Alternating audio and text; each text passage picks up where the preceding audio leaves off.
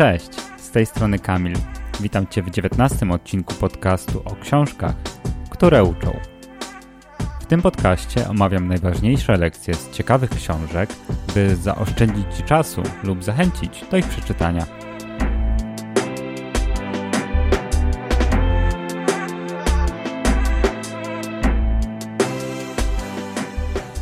Pogadamy dzisiaj o książce, która bardzo dobrze przypomniała mi, jak ważne jest przede wszystkim wracanie do przerabianych wcześniej treści. Ta książka to 10 kroków do maksymalnej produktywności, której autorem jest Michał Śliwiński.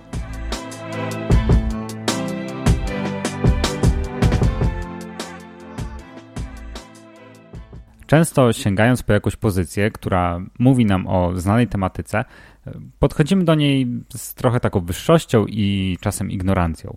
W końcu no, już to wiemy, albo ciągle się o tym słyszy i wszyscy to powtarzają w kółko. No tak, powtarzają, a mimo to tego nie robimy, albo wciąż zapominamy. Szczęśliwie książka Michała trafiła do mnie, gdy po raz pierwszy chyba zapłaciłem z góry za rok korzystania z wersji premium y, z aplikacji Nozbi, której w sumie jest autorem, y, która pomaga efektywnie zarządzać zadaniami. I cieszę się bardzo, że akurat do mnie trafiła, bo przypomniała mi, że uczenie się zarządzania projektami nigdy się nie kończy i tą wiedzę trzeba odświeżać. W ogóle Michał Śliwiński sam w sobie jest bardzo ciekawą osobistością.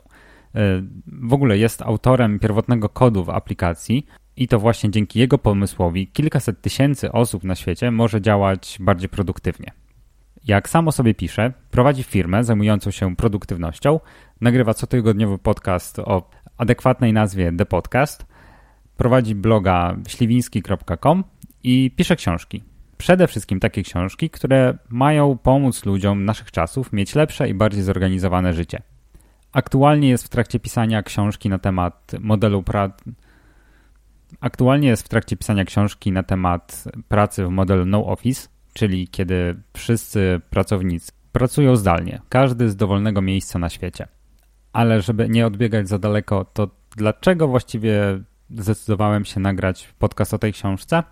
Cóż, często borykamy się z tym, że mamy albo za dużo na głowie, albo zapominamy o ważnych spotkaniach, nie odzwaniamy do bliskich, a często jest też tak, że siadając do pracy nie wiemy od czego zacząć, bo przecież wszystko jest ważne i powinno być już, już zrobione i najlepiej to w ogóle na wczoraj.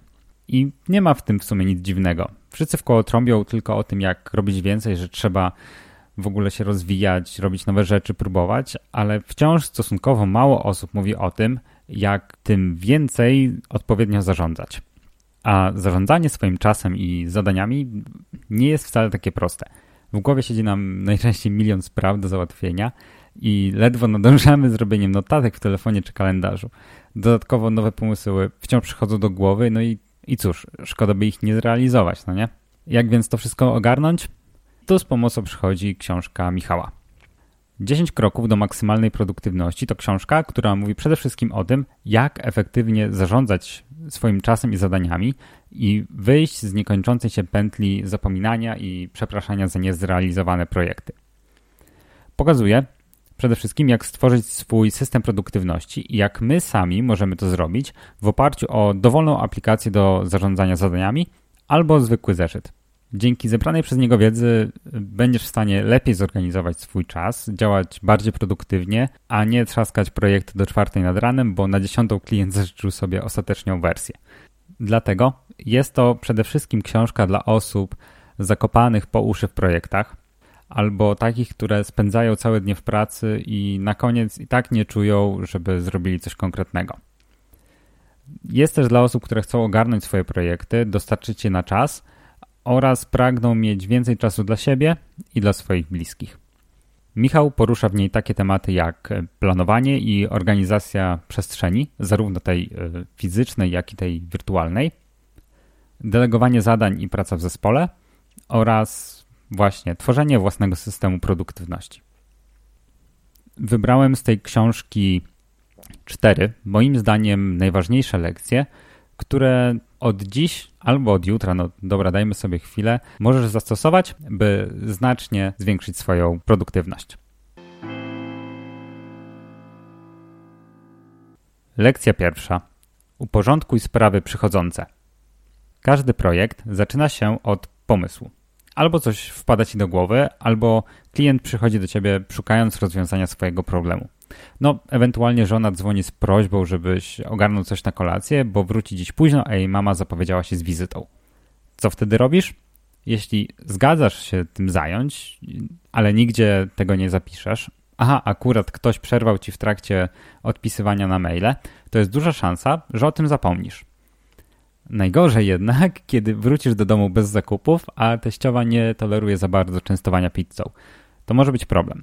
Michał radzi, aby stworzyć sobie przestrzeń właśnie przeznaczoną do zapisywania wszelkich przychodzących zadań i informacji.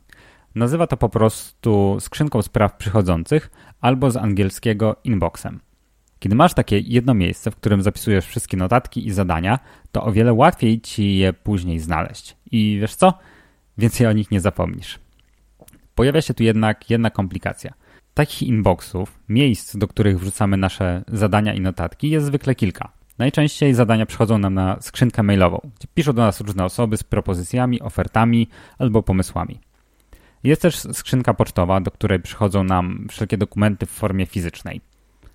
Jest też biurko, na którym najczęściej te dokumenty składujemy. Wrzucamy tam najczęściej umowy, faktury, listy i Bóg wie co jeszcze. Jest też folder pobrane lub pulpit komputera, zależy gdzie kto zapisuje wszelkie pliki, które ściąga z internetu. I jest też coś, z czym z tego co się tak domyślam, to chyba najwięcej osób ma problem. To zakładki w przeglądarce i otwarte na przykład od miesiąca karty, które no, kiedyś tam planujesz przejrzeć, ale tak na dobrą sprawę dopiero jak wyskoczy ci blue screen i wszystkie znikną, to nagle zauważę, że kurczę, one wcale tak naprawdę nie były potrzebne. Ale to jednak wszystko zajmuje nam przestrzeń, miejsce i trochę komponuje taki chaos wokół naszej osoby. I co z tym możemy zrobić?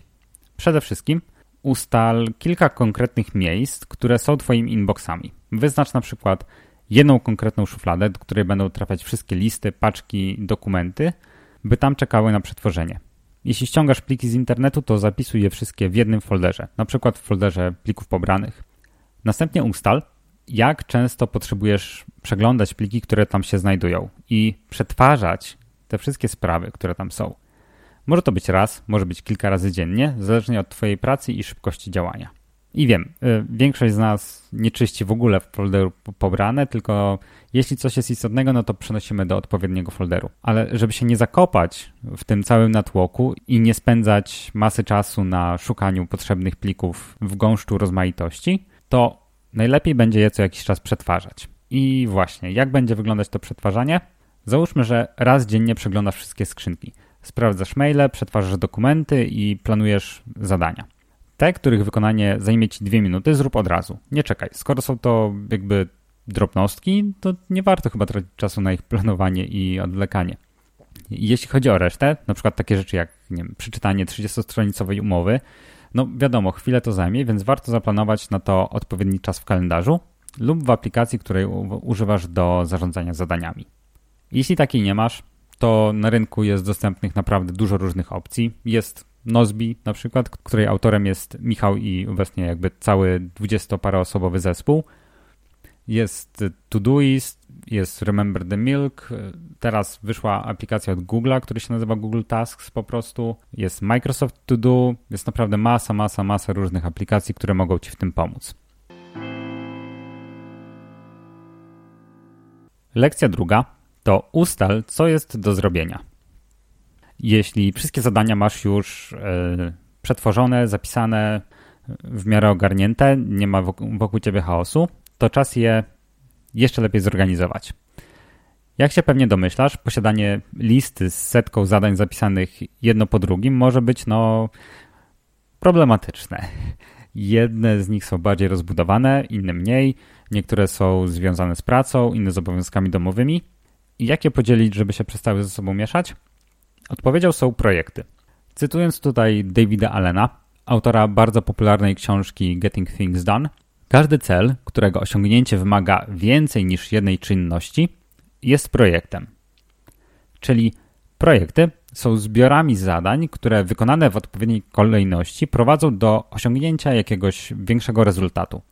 Przykładowo, przeczytanie rozdziału książki będzie zadaniem, jeśli ten rozdział ma powiedzmy wiem, 30 czy 40 stron, ale już przygotowanie dziecku wyprawki do szkoły to no, może być całkiem konkretny projekt, biorąc pod uwagę, że trzeba kupić książki, zeszyty, długopisy, okładki i wszystko jeszcze inne.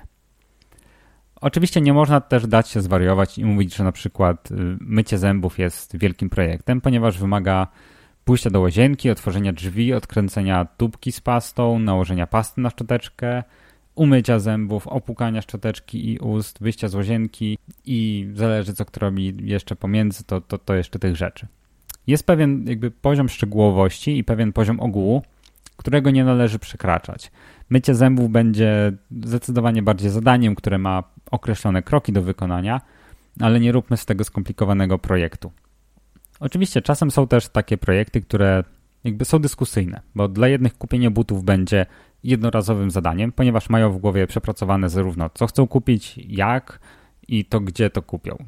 Czytaj na przykład większość facetów, a dla innych będzie to już kilkuzadaniowy projekt wymagający odwiedzenia kilku sklepów, wyboru odpowiedniej pary, zmierzenia każdej z tych par.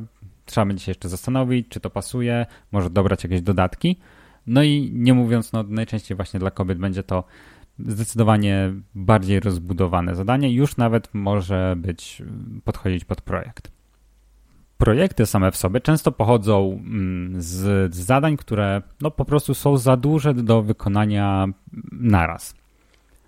Najczęściej większym problemem niż rozbijanie zadań na jeszcze mniejsze części jest zapisywanie i planowanie zadań, które tak naprawdę są już projektami, a my wciąż chcemy je połknąć w całości. Najczęstszym tego efektem jest niestety to, że trudno nam się zabrać za, za ich wykonanie i tym bardziej skończyć je w wyznaczonym czasie.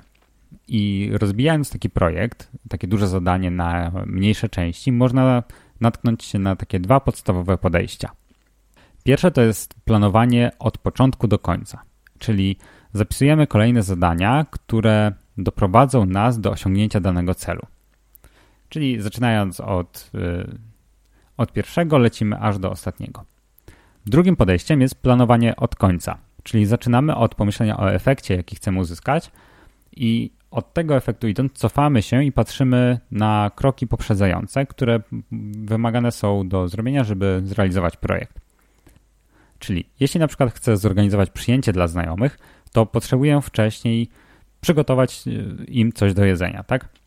Żeby przygotować im coś do jedzenia, potrzebuję wcześniej zrobić zakupy. Żeby zrobić zakupy, potrzebuję listy zakupów. Żeby zrobić listę, muszę wybrać, jakie dania właśnie chcę mieć na stole. Żeby wybrać dania, potrzebuję zrobić listę gości, zaprosić tych gości, określić datę i jeszcze kilka innych zadań, które są po drodze. Oczywiście jest jeszcze wiele innych metod planowania projektów, jednak w kwestii tych bardziej zaawansowanych technik odsyłam do dedykowanych temu książek. Ale jeśli chcecie, żebym taką pozycję omówił, to dajcie proszę znać e, w komentarzach na blogu, na Facebooku lub na Instagramie. E, szczególnie, że ten temat no, jest mi dość bliski ze względów zawodowych. Projekty można też podzielić na dwie kategorie. Na projekty ciągłe i celowe. Projekty celowe dotyczą jak sama nazwa wskazuje, konkretnego celu, a po jego osiągnięciu zostaną zakończone, jak na przykład zakup samochodu. Projekty ciągłe to takie, które dotyczą konkretnych obszarów naszej działalności. Na przykład w moim systemie mam taki projekt o nazwie Codzienność. I ten projekt służy temu, by zapisywać w nim wszystkie zadania, takie jak zakupy, sprzątanie, gotowanie, pranie czy prasowanie. Wszystkie takie rzeczy po prostu potrzebne mi w codziennym życiu, ale nie dotyczące jakichś większych, głębszych celów. Jeśli jednak przeanalizujesz wszystkie obszary, w których działasz swojego życia, może się okazać, że tych projektów jest czasem tak dużo, że zaczniesz się w nich gubić. I warto wtedy przypisać projekty do konkretnych kategorii, takich jak e, firma, rodzina czy blog.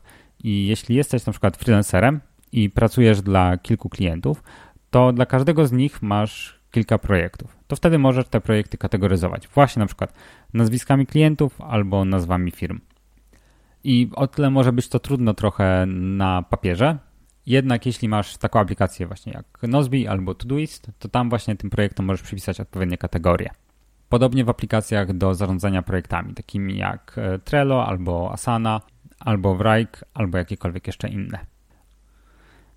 Kiedy mamy dużo projektów, nie tylko przydatne jest ich kategoryzowanie, ale jak mamy do przejrzenia na przykład codziennie 20 projektów i z każdego mamy wybrać jakieś zadanie wykonania, do wykonania, no to nagle się robi problem. Więc żeby się w tym nie pogubić, ważne jest posiadanie jednej listy zadań. Gdy zadanie rozdzielam po projektach, to tym, które chcę wykonać w jakimś już konkretnym czasie, bo mam ustaloną datę, to przypisuję mi odpowiednią datę. Skutek tego jest taki, że to zadanie pojawia się właśnie w tym dniu na mojej liście zadań. I trafiają na nią zadania ze wszystkich projektów, dzięki czemu nic mi nie umyka. Jest to bardzo, bardzo przydatne i właściwie tylko niewiele z takich e, aplikacji do zarządzania projektami ma to tak w mniejszym stopniu ogarnięte. Więc jakąkolwiek aplikację wybierzesz, prawdopodobnie będzie miała taką funkcję.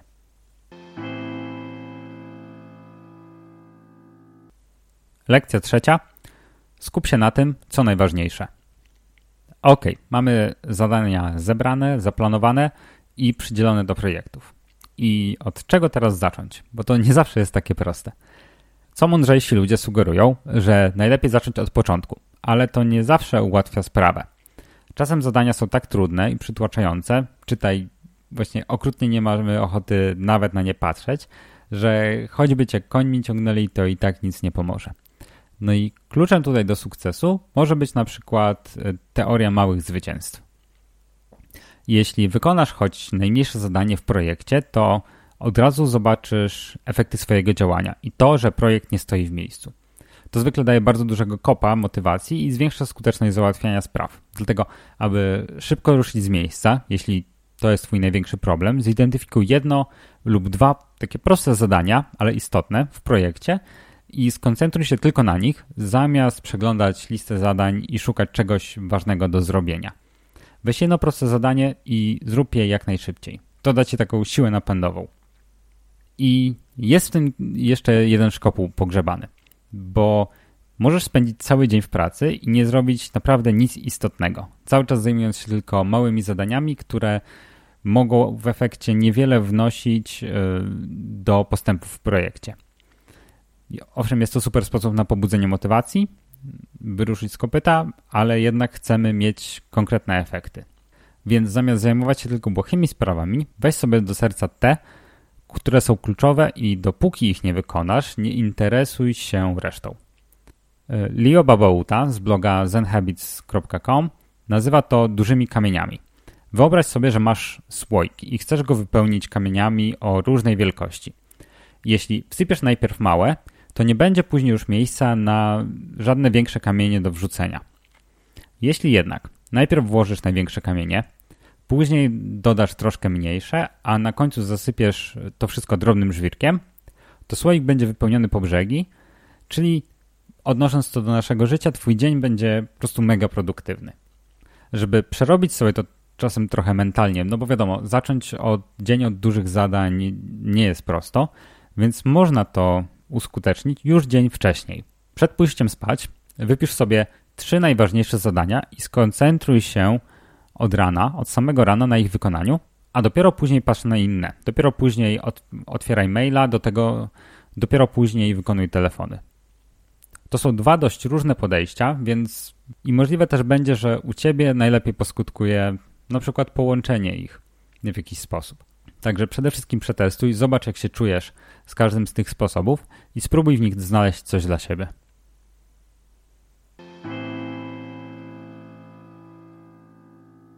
Lekcja czwarta i moim zdaniem kluczowa to regularnie przeglądaj swój system. Było zbieranie, było planowanie, było działanie. I niby wszystko, żeby działać efektywnie, no nie? Otóż nic bardziej mylnego. Każda maszyna działająca nawet na 10% swoich możliwości potrzebuje okresowych przeglądów, żeby uniknąć usterek. Tego też potrzebuje Twój system produktywności. Michał w tym miejscu cytuje słowa Davida Allena, który nazywa takie podsumowanie cotygodniowym przeglądem i mówi, że jest to czas, w którym planuje działania na nadchodzący tydzień.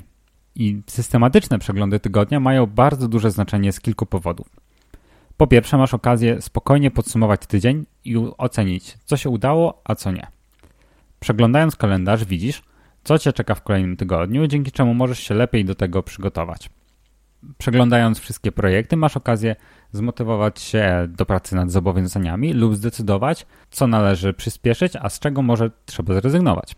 Co równie ważne, masz też czas, by spokojnie zastanowić się, dokąd zmierzasz i czy podążasz w odpowiednim kierunku.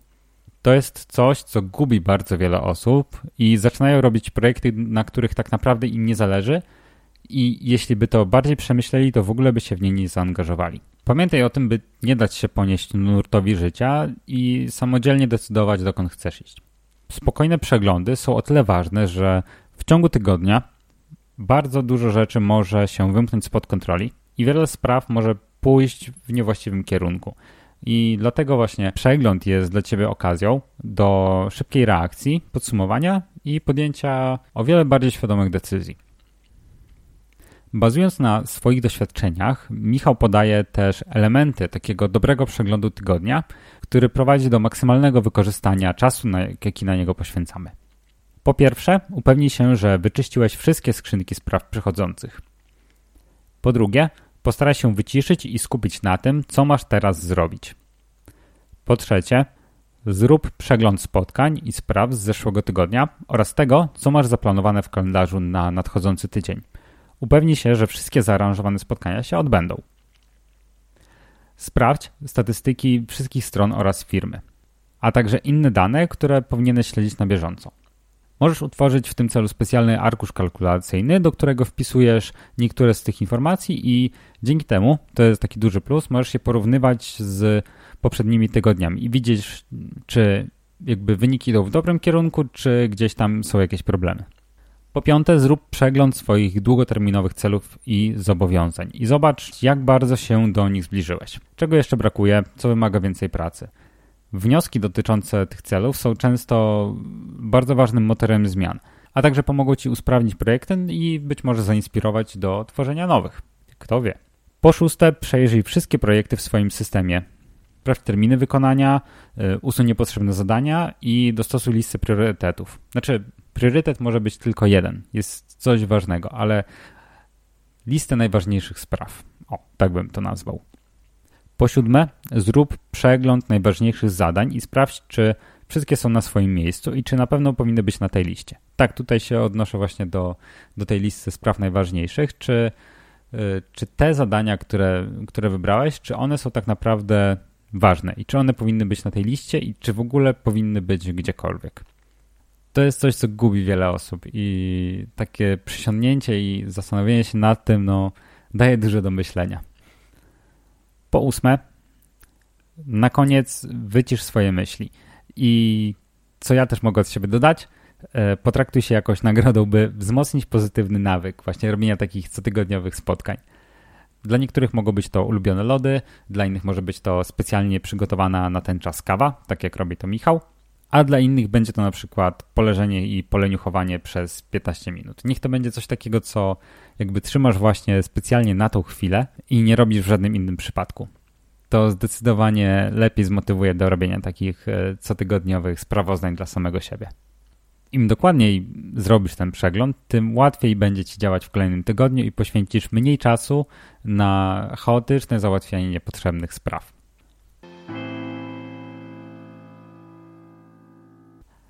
Podsumowując te kilka lekcji, które zebrałem dla Was y, z książki 10 kroków do maksymalnej produktywności, to po pierwsze zbieraj swoje zadania w określonych miejscach i regularnie rób w nich porządek. Po drugie, zmieniaj skomplikowane zadania na projekty. Po trzecie, ustal co jest najważniejsze i czym zajmiesz się w pierwszej kolejności. Po czwarte, regularnie sprawdzaj swój system produktywności, by być na bieżąco nie tylko z postępami, ale też z tym, co się dzieje wokół ciebie. I na koniec mam jeszcze ćwiczenie dla osób, które są jakby totalnie na początku drogi. W sensie, jeśli zdarza ci się zapominać o wielu sprawach lub y, przytłacza cię ich ilość, a nie masz jeszcze swojego systemu, to Michał proponuje właśnie takie proste ćwiczenie. Zajmie ci maks 15 do 30 minut, zależy jak dużo masz na głowie. Weź teraz albo w dowolnym momencie kartkę papieru formatu A4 i zacznij wypisywać po kolei na niej wszystkie sprawy, które masz w głowie. Wszystko, co gdzieś ci tam siedzi od dawna, czy wpadło dopiero przed chwilą, po prostu wszystko to zapisz na tej kartce. Nieistotne jest, czy to są duże projekty, czy to są błahostki w stylu nie opłacania rachunków. Wypisz każdą rzecz. To ćwiczenie świetnie pokazuje, jak wiele spraw masz teraz na głowie i że tak naprawdę warto przechowywać je gdzie indziej.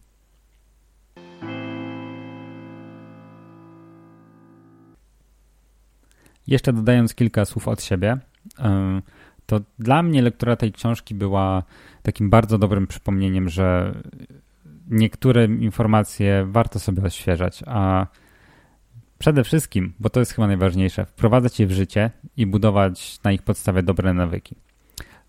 Sama w sobie ta książka jest naprawdę konkretną pozycją, w której nie ma lania wody. Za to jest konkretna treść do wdrożenia od razu u każdego, kto tego potrzebuje. Jest bardzo dużo przykładów. Michał bardzo fajnie obrazowo tłumaczy każdy z tych zagadnień poruszanych. Ja oczywiście nie poruszyłem wszystkich, bo yy, wiadomo, ten podcast nie jest o tym, żeby mówić o każdej interesującej rzeczy, ale żebyście mieli to, co jest w danych publikacjach najlepsze. I jeśli nie macie czasu na ich czytanie, to byście mogli od kopa wdrożyć to, co w nich jest. I mam nadzieję, że właśnie z tego nagrania coś dla siebie weźmiesz. Niezależnie od tego, czy czytałeś tą książkę, czy nie, e, to będę bardzo, ale to bardzo wdzięczny, jeśli podzielisz się swoją opinią na, na stronie tego podcastu pod adresem książkiktureuczą.pl.